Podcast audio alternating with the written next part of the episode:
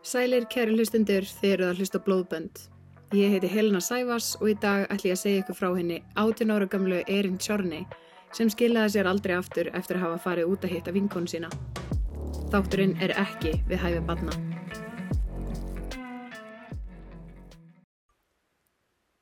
Erin var fætt árið 1984, var þá 18 ára og bjó í fjölskylduvænu og öryggu hverfi í Brandon, Manitoba í Kanada.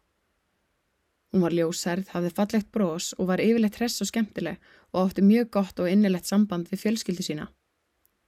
Þegar Erin var yngri höfðu fóreldra hennar Debbie og Darcy Chorney ákveðið að fara í sikvara áttina og kannski eðlilega átti er, Erin erfitt með þá ákverðin en annars var hún ósköp venjuleg, hamingisum og falleg stelpa sem átti framtíðina fyrir sér. Erin var vinamörg og vinsæl Hún var alltaf í símanum að skiptast á takstaskilabóðum eða spjallandi við vini sína. Hún hjekk í vestlunum miðstöðunum, fór oft í bíó og á kaffehúsin í góðra vinahópi. Henni þótti líka gaman að djamma og gerði nóa því eins og fylgir oft þessum aldrei. Hún var yfirleitt miðpunktur aðteklinar þar sem hún var og drakk áfengi, tók skot og skemmti sér með vinu sínum í partíum reglulega. Hún fór þó alltaf varlega og hafði alltaf tök á sjálfur sér. Áður hafði hún farið í alls konar ferðir og útilegur með vinnu sínum sem stóðu yfir í einhverja daga en hún let alltaf foreldra sína vita hvað hún væri og foreldrar hennar trist henni fullkomlega því aldrei hafði það áður klikkað.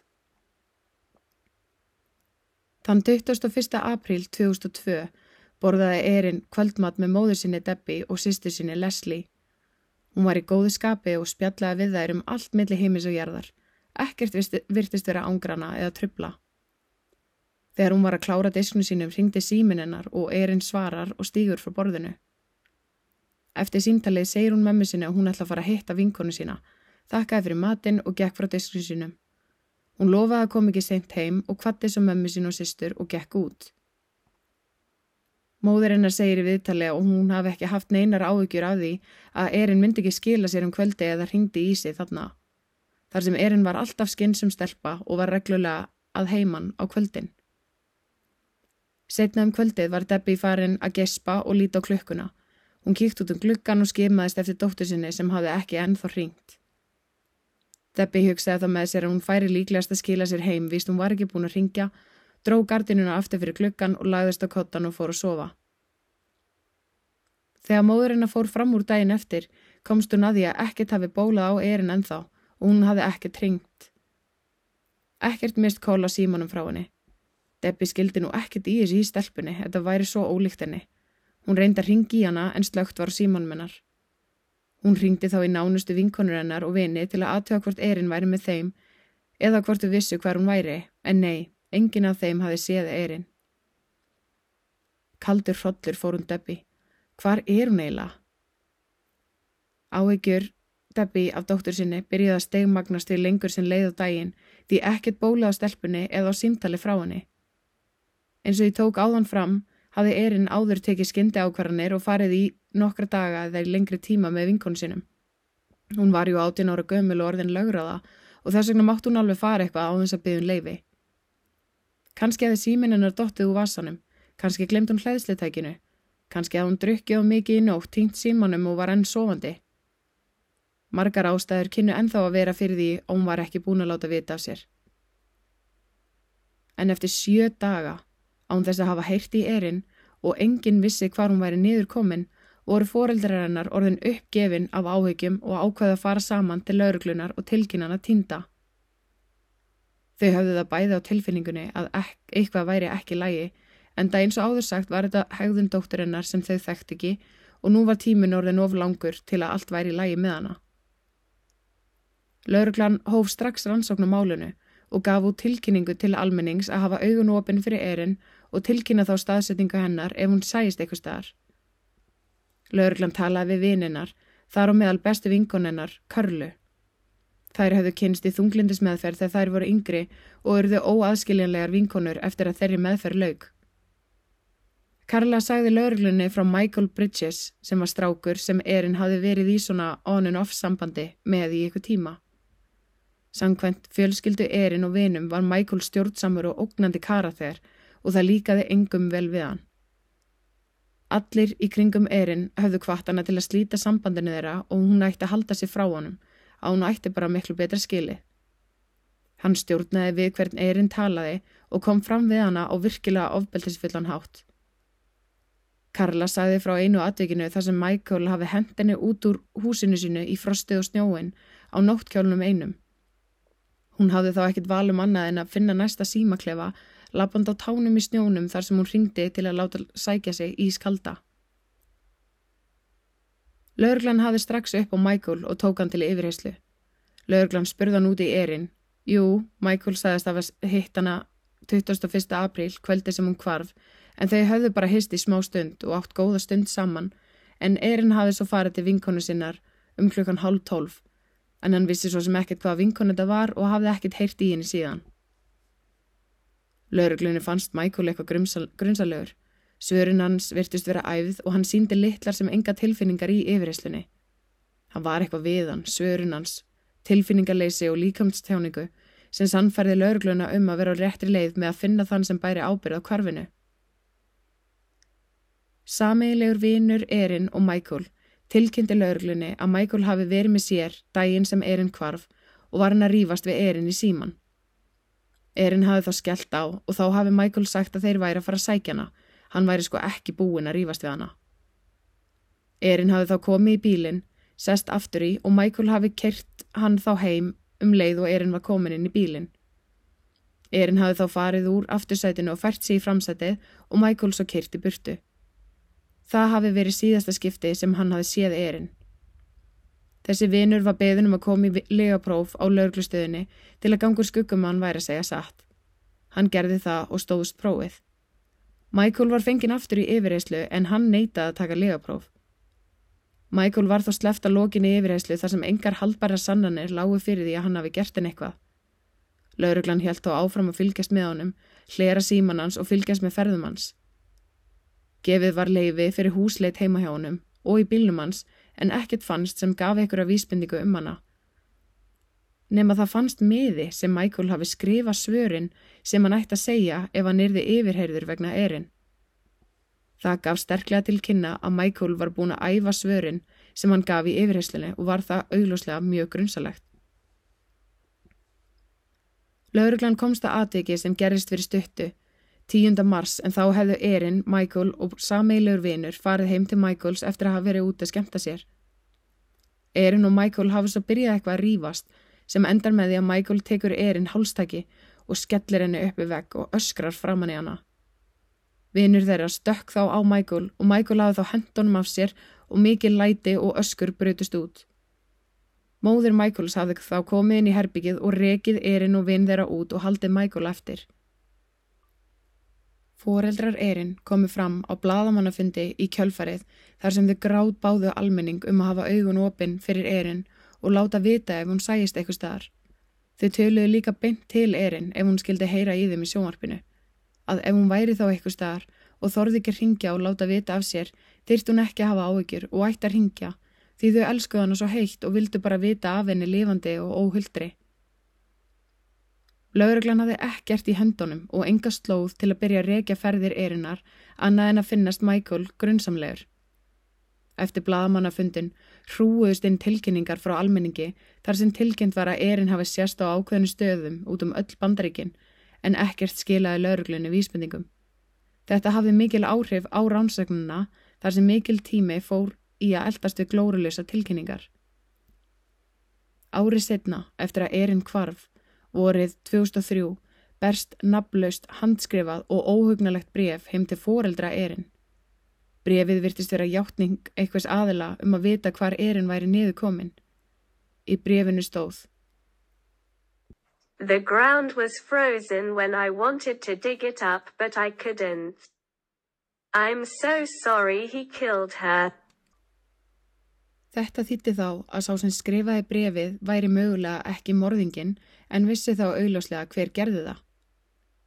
Umslæð og brefi sjálft var sendt í rannsók til að finna DNA eða fingraför en ekkert fannst, sem gaf til kynna að reythefundurinn hafi passað upp á að vera í hönskum eða þurka yfir brefið og umslæði til að láta ekki koma upp um sig. Ekkert var hægt að gera til að hafa upp á þeim sem skrifaði brefið. Annað bref finnst svo á almenningsklósiti inn á veitingastað. Í því stóð aftur að aðilanum þætti leitt hvað hafi komið fyrir erinn og hann vissi hver hafi myrtana. Einni benti aðilin á að laurglan væri á réttri leið með að finna morðingjan. Engin fingraför eða DNA fundist heldur á þessu brefi sem skilaði niðurstöðum um hver skrifaði það en laurglan taldi að einhver kona sem þekkti erinn hafi skrifaða með að vera í töndina. Laurglan setur tilkynningu í bladið þar sem líst er eftir aðilanum sem skrifaði brefin og er hann beðunum að stíga fram og hafa samband við. Viti menn, þeim berst svar. In response to a newspaper article that was written a few days ago in the Brandon Sun in regards to Erin. Yes, it will be one year ago that she did go missing. I am very sorry for what my friend did. But you see, I was threatened myself. That's why I couldn't come out and tell you about it. I was so scared for my safety. He pointed his 9 millimeters to my face and told me if I should go to the police that he will do the same thing to me. He also told me that I was the only person he told. So that is why I can't come out and tell. Right now he's out west while I'm here. I tried, believe me. I tried to go to the police. Right now I don't know what to do. I have sleepless nights. I have nightmares. Every time I see her body. I was just there this past weekend to check up on the body and yes, she is still there. I want to come out and report this. Þetta olli augljóslega óhug og spurningar um hvort það væri margtækt eða ekki. Áttu fóreldrar erinn að trúa því þá og þarna að hún væri þá dáin og grafin eitthvað staðar. Lauruglan var ekki með glæpavettvang, ekkert lík eða neitt haldbært sem gatt staðfesta erinn væri dáin og að brefin væri sönn. Lauruglan þurfti að hugsa einhverja nýja leið til að negla Michael í eitt skipti fyrir öll. The Sting Operation – kallast þessi nýja aðferð laurglunar sem ákveðið var að fara. Óenginnisklætt laurglukona fór heim til Michael, bankaði upp á og þóttist vera starfsmæður út af stöðar. Hún bauð honum að taka þátt í leik sem var í gangi og hann þyrti ekki annað en að skrifa nafni sitt og þá færa hann í pottin. Dreyið yrði síðan úr nafnapottinum eftir nokkra daga og vinningurinn væri miði á NHL leik í Calgary sem er ísokki leikur og ferðarkostnaður var allur innurfalinn í, í vinningnum. Michael leist mjög vel á þetta en það var liðið sem hann hjælt með að keppa og hann skrifaði undir. Mánuðu setna var Michael tilkynnt að hann hafi unnið í leiknum og ætti miða á samt ferðarlæginu öllu á leikin. Michael var heiminn lifandi og stökk upp úr sófanum að kæti þegar hann heyrði fréttinar. Hann fór á leikin og skemmti sér konunglega. Eftir leikin fór hann á strippstað þar sem hann helt áfram að skemta sér. Þar kynntist hann öðrum vinningsáleiksins, Brock. Michael hafði ekki hugmyndum að hann væri óenginnisklætu lögurglumæður en þeir náðu strax að þróa gott vinnasamband sín á milli. Þegar heim var komið heldur nýju vinninir áfram að vera í sambandi en það var Michael orðin vinalus eftir allar ásak ásakaninnar og grunnsemtinnar um hvarf erinn. Félagarnir tveir byrjuði að hanga oftar og oftar saman og hjálpaði Michael með annars Brock að finna sér íbúð og hafði auðvitað engan grunum að Brock væri ekki sá sem hann held. Lörglann fylgdi þeim auðvitað hvert sem þeir fóru. Félagar, félagarnir voru einn daginn saman á kaffihúsi að södra bjór þegar Brock fær símtal frá aðila sem hann kallaði The Boss. Brock saði Michael að hann sé stór hættilegu gengi og honum hafi bóðist til að taka þátt í skipulagari glæpastarsemi sem skilar sér fullt af peningum fyrir litla og auðvelda vinnu. Michael er með stjörnur í augunum og fer með Brock að hitta hópa glæpamönnum sem er að undirbúa starfsemina. Þetta eru menn sem er að taka þátt í aðgerð laurglunar og líta þér út fyrir að vera menn sem maður vil ekki fá eftir sér. Það var augljóst á Michael hversu mikið hann þráði að taka þátt í svona gengi og glæpastarsemi og fá að vera með. Brock segir Michael að til þess að fá að vera með verði hann að játa allt ólöglegt og alla glæpi sem hann hefur gert fyrir The Boss. Þetta gengi væri aðeins með menn sem getur látið alla fortíð sína flakka og verið heiðalegi með það, því The Boss vildi ekki vera með meðlemi sem hann vissi ekki eitthvað um. Það væri mjög mikilvægt að ekkert væri í fortíð meðlemana sem The Boss vissi ekki af og kæmist svo að endanum að. Þá færi heldur betur ítla. Með því að segja frá fortíð sinni og játa það sem hann hefur gert og orði vittnað, væri hann að sanna að honum sé treystandi og fengi þannig mögulega ingöngu í gengið. Brock bauð Michael að koma með sér að hafa upp á konu sem var meðlumur í genginu en hún hafi stólið peningabúndi og hún ætti að fá það óþveið. Michael hefur ekki hugmyndum að svo kona er líka óenginniskleitt lauruglukona og þetta var allt saman sviðsett atriði. Brock kerir á stað og Michael í framsettinu og þeir rúnta um og leita konunni. Brock kemst svo að því að konan er inn á mótilherbyggi og keira þeir þangað. Brock segir Michael að býða í bílnum að meðan hann afgreðir konuna. Brock ræðist á hana og fer inn fyrir dittnar svo Michael missir sjónar á þeim. Þau setja þá gerfiblóð í andlit konunar og komast í ljós aftur í dyrunum þar sem Brock lítur út fyrir að vera tói hárið á henni og kílana, svo hverfa þau aftur inn í íbúðina og Brock virtist ganga almilla í skrokka á konunni. Michael heldur auðvitað að þetta sé alvöru og býður spentur í bílnum um hvað muni gerast næst. Brock kemst að lokum í ljós og skellir á eftir sér hurðinni á mótileherbygginu reyður og söp með blóðu að hnúa, kemur hann þá aftur inn í bílinn og segir Michael að svona eigi að koma fram með konur sem eru svikarar. Michael kaupir þetta allt auðvitað. Tveimur árum eftir hvarf erinn eru félagarnir á veitingastað og eru að ræða viðtalið sem Michael þarf að eiga við The Boss setna í vikunni og Brock þykist vera að æfa Michael í því hvað hann skulle segja. Michael hefur ekki hugmyndum að Brock er að taka upp allt sem þeir segja.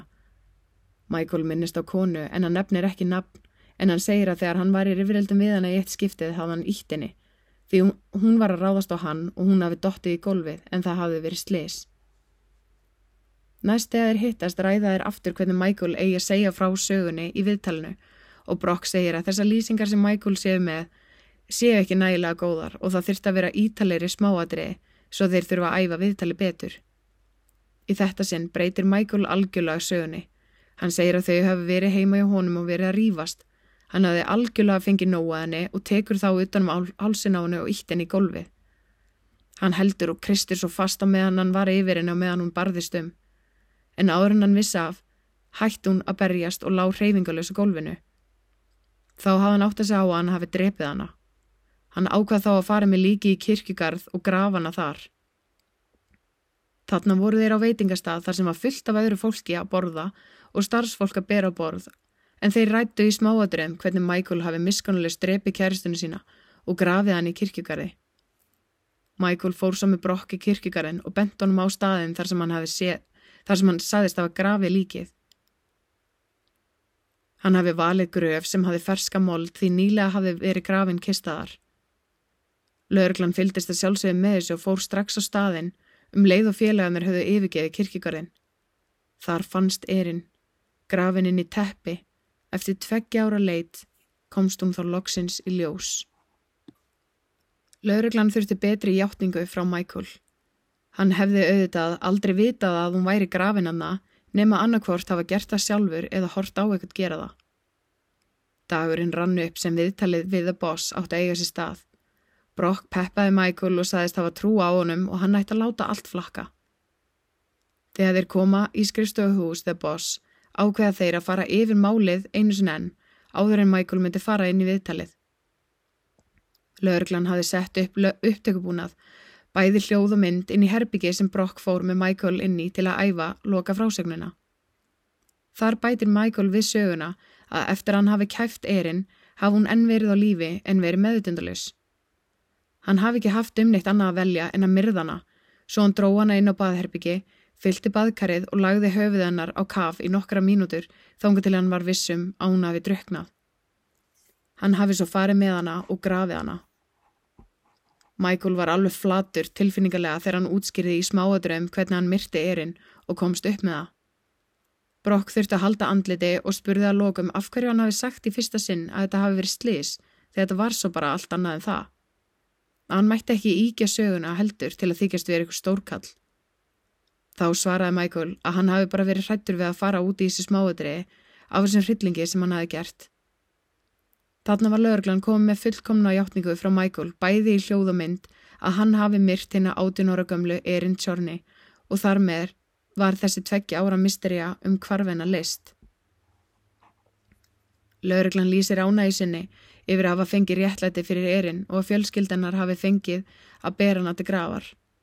Þetta mál hafði ótrúlega mikil áhrif á allt samfélagið í Brandon og fólk vildi bara ekki trúa því að erinn hafi leið í þessari gröf látin allan þennan tíma.